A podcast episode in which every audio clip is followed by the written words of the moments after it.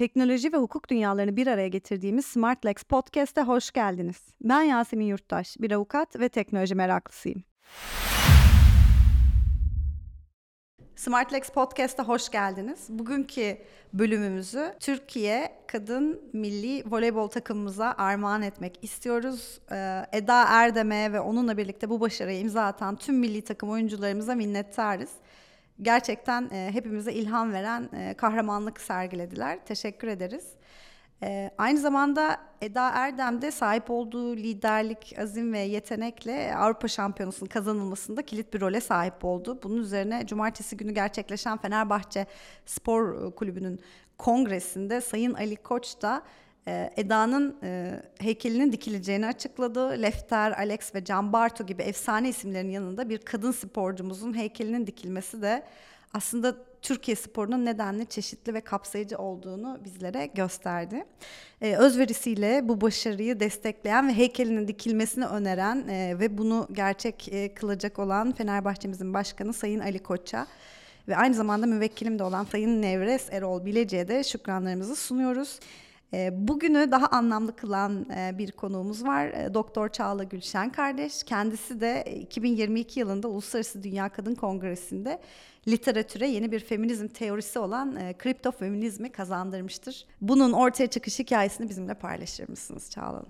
Tabii memnuniyetle ama şunu da başlangıçta ifade etmem herhalde çok yerinde olur. Kadın milli voleybol takımımız e, yıllardır bize çok büyük bir gurur ve mutluluk yaşatıyordu. Tabii altın madalyayı da bizlere getiriyor olmaları bence bugünden çok gelecek üzerinde müthiş olumlu etkisi olan bir şey. Hem spora olan tutku adına. Hem e, genç kadınların, e, ülkemizdeki başarılı kadınların yılmadan iyi oldukları şeyi yapmaya devam etmeleri, motivasyonu kazanmaları adına. Elbette bunun e, Fenerbahçe Spor Kulübü'nün yaptığı gibi farklı vesilelerle hak edenler için özellikle e, hatırlanıyor, hatırlatılıyor ve destekleniyor olması da çok kıymetli. Çok büyük bir mutluluk. Neden e, özellikle e, kadın e, kelimesini vurguladım.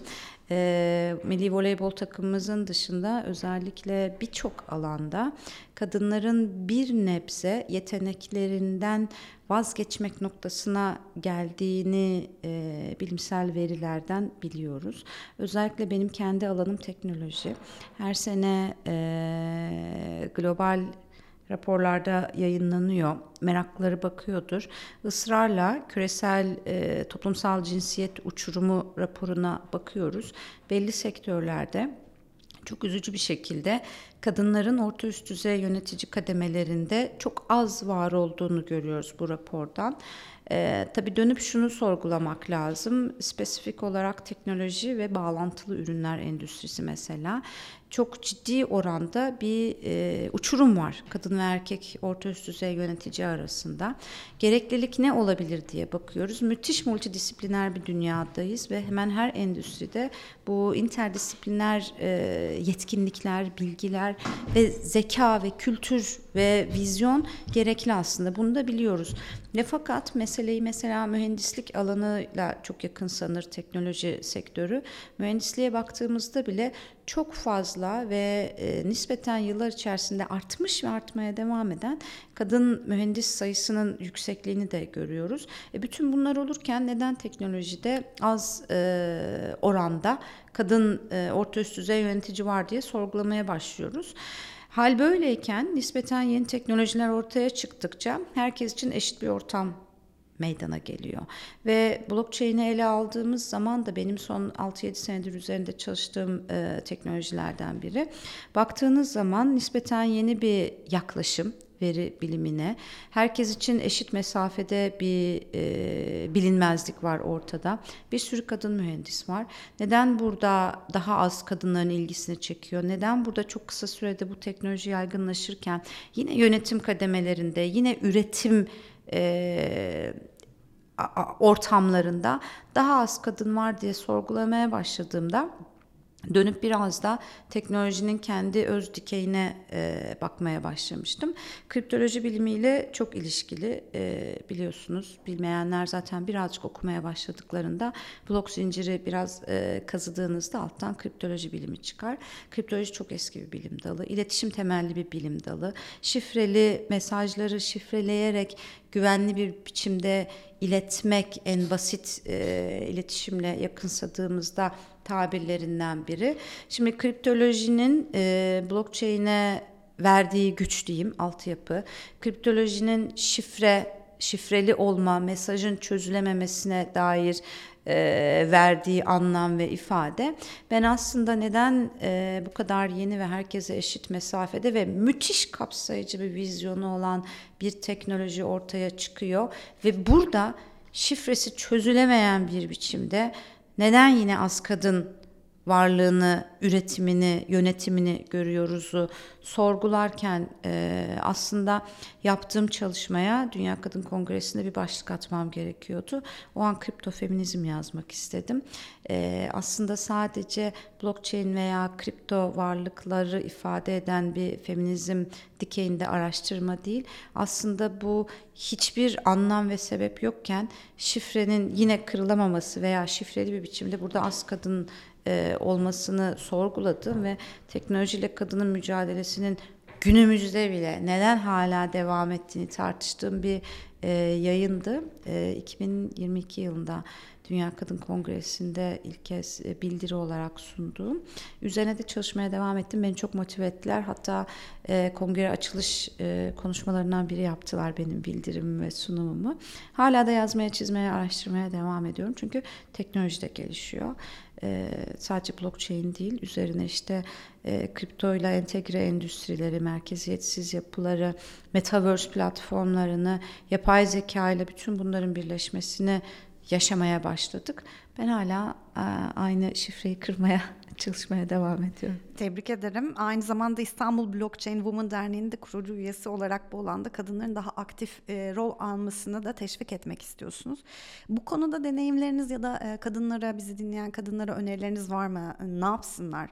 E, örnek veriyorum, e, illa bir bilgisayar mühendisi mi olmak zorunda bir kadın? Hani blok zincirle ilgilenmek, metaverse ile ilgilenmek, yapay zeka ile ilgilenmek için.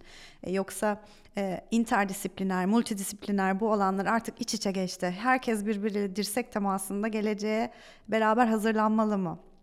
Ne gibi imkanlar sunuyorsunuz? Valla tavsiyeden başlayayım. Bir kere herhalde yegane tavsiyem farkında ve cesur olsunlar. Biz farkındaydık. Ee, gerçekten herhalde iki elin on parmağını geçmeyecek kadar az sayıda kadındık yıllar önce, 5-6 sene önce herhalde.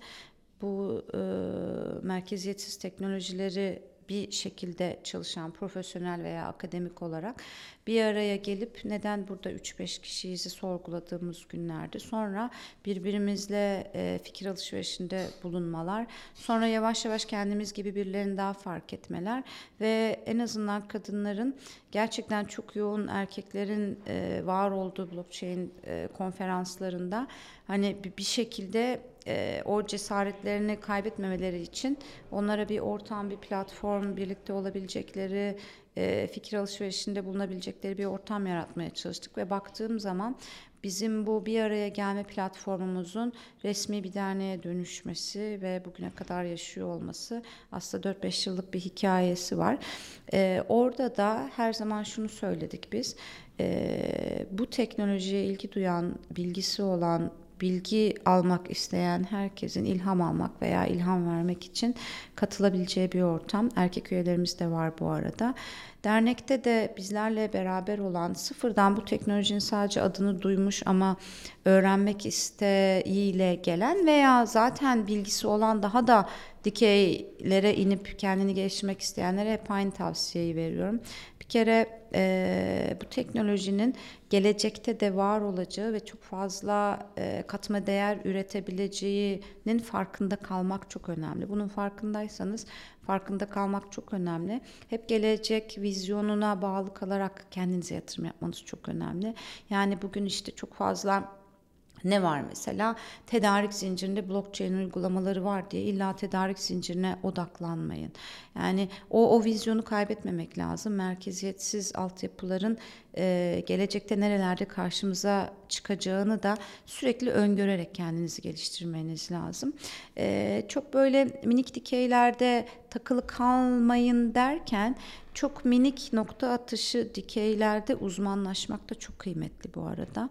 Hali hazırda bir alanda gerçekten e, yetkin ve bilgi sahibiyseniz sadece o alana odaklanıp blockchain burada ne yapabiliri sorgulamakta bir alternatif. Cesur kalmak çok önemli çünkü maalesef e, uzun yıllar oldu artık nispeten yeni bir teknoloji diyoruz. Yepyeni bir teknoloji dediğimiz blockchain'e. Bu kadar yıl, bu kadar büyük e, pazar e, payları gerçekten çok büyük e, rakamlarla yatırımlar oluyor. E, dev dev koca koca kurumsallaşan blockchain şirketleri var. Ama hala çok az kadın var. E, o yüzden e, cesareti de kaybetmemek lazım. Farkında oldukları kadar cesur da olsunlar. E, biz çok şeyler yaptık. E, sadece dernekteki e, üye ve benim gibi kurucu olan e, farklı yönetimsel rollerde olan arkadaşlarım değil. Etrafımda tanıdığım bu teknolojiye ilgi duyan herkesin çok e, yol kat ettiğini biliyorum, görüyorum, görmeye devam ediyorum.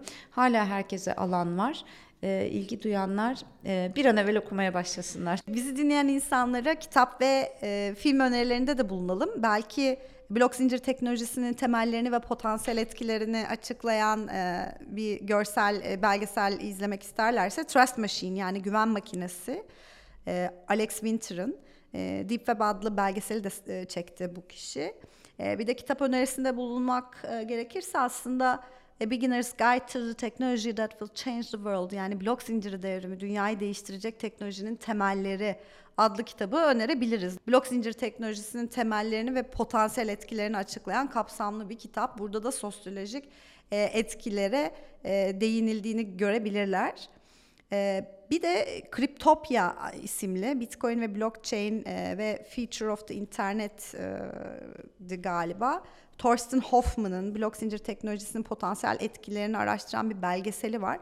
Ee, onu da tavsiye ediyorum. Eğitiminizden bahsetmek gerekir bence bu noktada. Yıldız Teknik Üniversitesi'nde makine mühendisliği lisans ve yüksek lisans eğitiminizin ardından İstanbul Üniversitesi, Sabancı Üniversitesi, Stockholm School of Economics'te eğitim alanlarında işletme yüksek lisans eğitimi ve sosyal bilim alanlarında eğitim almışsınız. Tam da bu noktada şunu görüyoruz. Bir mühendis olarak aslında mühendisliğin sosyal bilimlerden ayrılamayacağını e, o da daha o zaman fark etmişsiniz. Hatta buradan yola çıkarak şuna da değinebiliriz. Blok zincirin gelecekte toplumu nasıl şekillendireceğini öngörüyorsunuz siz. Yenilik özelliğinden bahsedelim blok zincirin. Böyle bir şey öngörüyor musunuz? Ben her konuğuma bu soruyu soruyorum. Ee, geleceği nasıl şekillendireceğini düşünüyorsunuz diye sordunuz ya. Buradaki nasılın iki tane cevap var. Birincisi geleceği nasıl şekillendirecek? Geleceği bu teknolojiyi iyi veya kötü kullanan eller ve insanlar şekillendirecek. Birinci cevap bu. Ee, çok kuvvetli bir teknoloji. Daha doğrusu merkeziyetsiz veri yapıları ve bu e, bu tip yapılar üzerinde yapılacak işlemleri yöneten kodlama e, şekilleri e, çok çok zor değil bu arada bunların yazılımları. E, hemen her fikrinizi blok zincir üzerine taşıyabilirsiniz. Bunun da artıları ve eksileri var. Bugüne kadarki çıkışı da teknolojinin mesela e, dokümanların kıymetli dokümanların zaman damgalı ve değiştirilemez bir şekilde kayıt altına alınması çalışmaları 1900'lerde yapılırken e, bir anda Bitcoin ile beraber e, çok sayıda kripto paranın hayatımıza girdiğini gördüğümüz günler oldu. Sonra bir anda sanat eserleriyle ilgili bir şeyler yapılabilir mi sorusu sorgulandı ve çok şey yapıldı. Bakın blok zincir teknolojisi hep bir adım sonraki geleceği insanların onu nasıl kullandığıyla şekillendiriyor. Şimdi aslında blok zincir geleceği nasıl şekillendirecek sorunuzu teknolojiyi özne yaparak e, tekrar yanıtlarsam blok zincir geleceği alışkın olduğumuz kabullerle yani hayatına alışkın olduğumuz ve bizim yarattığımız doğrusal akışındaki e, güç merkezlerine bağımlı, merkezi ve kendimizi daha güvende hissettiğimiz ama bence insanlığın bugün için çok daha fazla risk taşıyan kapalı sistemlerle yönetmek yerine daha adil, daha katılımcı, daha kapsayıcı, daha şeffaf ve belki daha güç otoritelerine, kanunlara, kurallara ihtiyaç duymadığımız ama her şeyin kendi olması gerektiği şekilde kodun yazdığı kanunla yönetildiği şeffaf bir dünyaya götüren ve dünyayı böyle şekillendiren bir teknoloji gibi de cevaplayabilirim bu sorunuzu baktığınız zaman alameti farikası veri yönetimidir aslında. Neresinden bakarsanız bakın.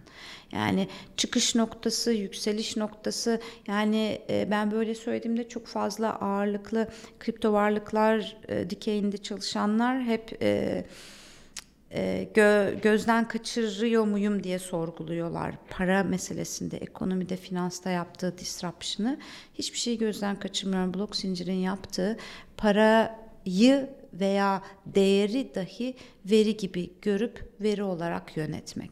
Yani bu teknolojinin verileri farklı bir şekilde yönetebilme yetkinliğini iyi anladıktan sonra bence insanlık için ve bu çok meşhur herkesin kullandığı ama e, anlamına uygun içselleştirmediği sürdürülebilirlik ve sürdürülebilir bir gelecek, sürdürülebilir bir dünya için blok zincirin katma değeri çok yüksek. Bence geleceği o tarafa biraz da şekillendirecek bu teknoloji. Ee, sizin e, kitabınızdan da alıntı yapalım. Ee, orada birçok insan kripto paraları ve blok zinciri birbirinden çok bağımsız gibi düşünüyor. Ve yine aynı şekilde birçok insan tarafından da kripto paralar ve blok zincir aynı şey gibi düşünülüyor. Her iki yaklaşım da aslında doğru değil demişsiniz. Bir taraftan da şunu söylemişsiniz. Web 2.0 takipçi ve kullanıcı konseptleri, konseptleriyle kapitalizme bir anlamda yenilip bireyi güçsüzleştiren blok zincir teknolojisiyle birlikte Web 3.0'ın söylemsel olanı e, katılımcı, sahiplik ve üyelik konseptleri etrafında inşa edilerek bireyi güçlendirecek bir altyapıya işaret ediyor demişsiniz.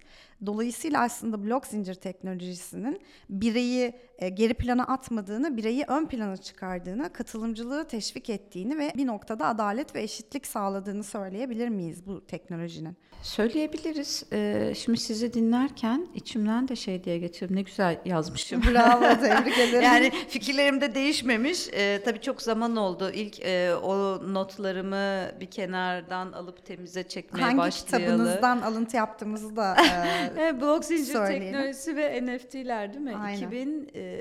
2022. evet Değil mi? 2022. Nisan ayında sanırım ilk baskısı çıktı. Tabii benim o kitabın e, cümlelerini çalışmaya başlamam çok daha eski ve uzun yıllar yaptığım birçok araştırmanın da e, minik bir özeti gibi. E, bakın kaç sene, onun bile üzerinden kaç sene geçti. Ne koşullar, ne gerçekler, ne de benim fikirlerim değişmemiş. Sizi dinlerken e, yüzde yüz katıldım. Aslında ben sizin sözlerinizi dile getirmiş oldum. Size Aynen de öyle. hatırlatmış oldum. Evet aslında biraz önce böyle bir buradan baktığım ve gördüğüm blok zincirli gelecekle ilgili söylediklerimin de hemen hemen aynısını söylemişim. Yani bireyin e, güçlenmesi, e, alışkın olduğumuz güç otoritelerinin belki de gücü e, biraz dağıtması, işte bu dağıtık e, yönetim yapısının sadece veriyle kalmayıp belki her alanda e, daha adil, daha kapsayıcı bir şekilde işler hale gelmesi. Hepsi bunlar bu teknolojinin teknik kapabilitesi olmasa bile vizyonu ve felsefesi. O yüzden diyorum ya illa mühendis olmaya gerek yok. Ee, teknolojiyle çok böyle yan yana doğal olarak e, oturuyor mühendislik bilimi. E, meslek olarak en azından. Hangi alanda bilgi ve yetkinlik sahibiyseniz demin söylediklerimi tekrar edeyim. Ee, onu alıp blok zincir üzerinden bir daha düşünün. Sonra bir daha düşünün. Yani burada e, doğal olarak hepimiz içgüdüsel olarak alışkın olduğumuz kabuller üzerinden yeni bir şeyler üretme temayülü gösteriyoruz ama e, blok zincir üzerinden yeniden yeniden düşündüğünüzde eminim herkesten e, o disruptif e, fikirler ve devamında da inovatif öneriler e, gelecektir.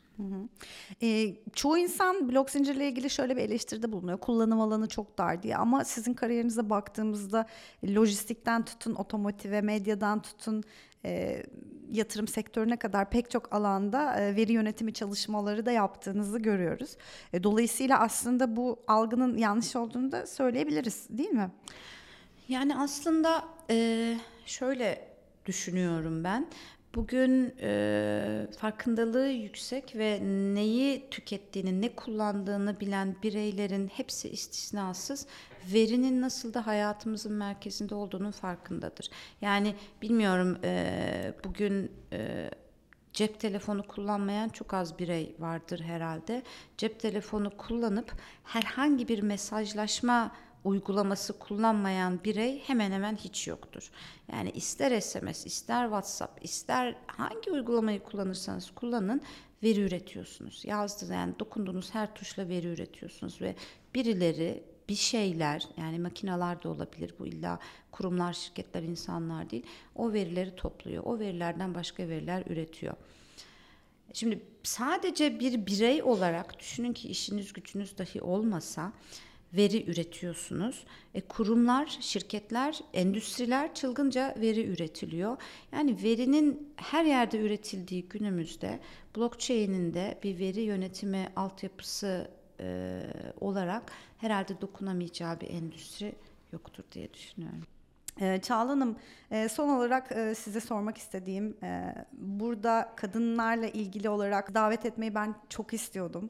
Ve siz anlattıkça blok zincirin kadın istihdamıyla ya da kadınların ilgisiyle bu kadar iç içe olduğunu hiç anlayamamıştım. Dolayısıyla siz ileride toplumsal dönüşüm anlamında da kadınların bu noktada nasıl bir yer edineceğini düşünüyorsunuz blok zincir teknolojisiyle ilgili?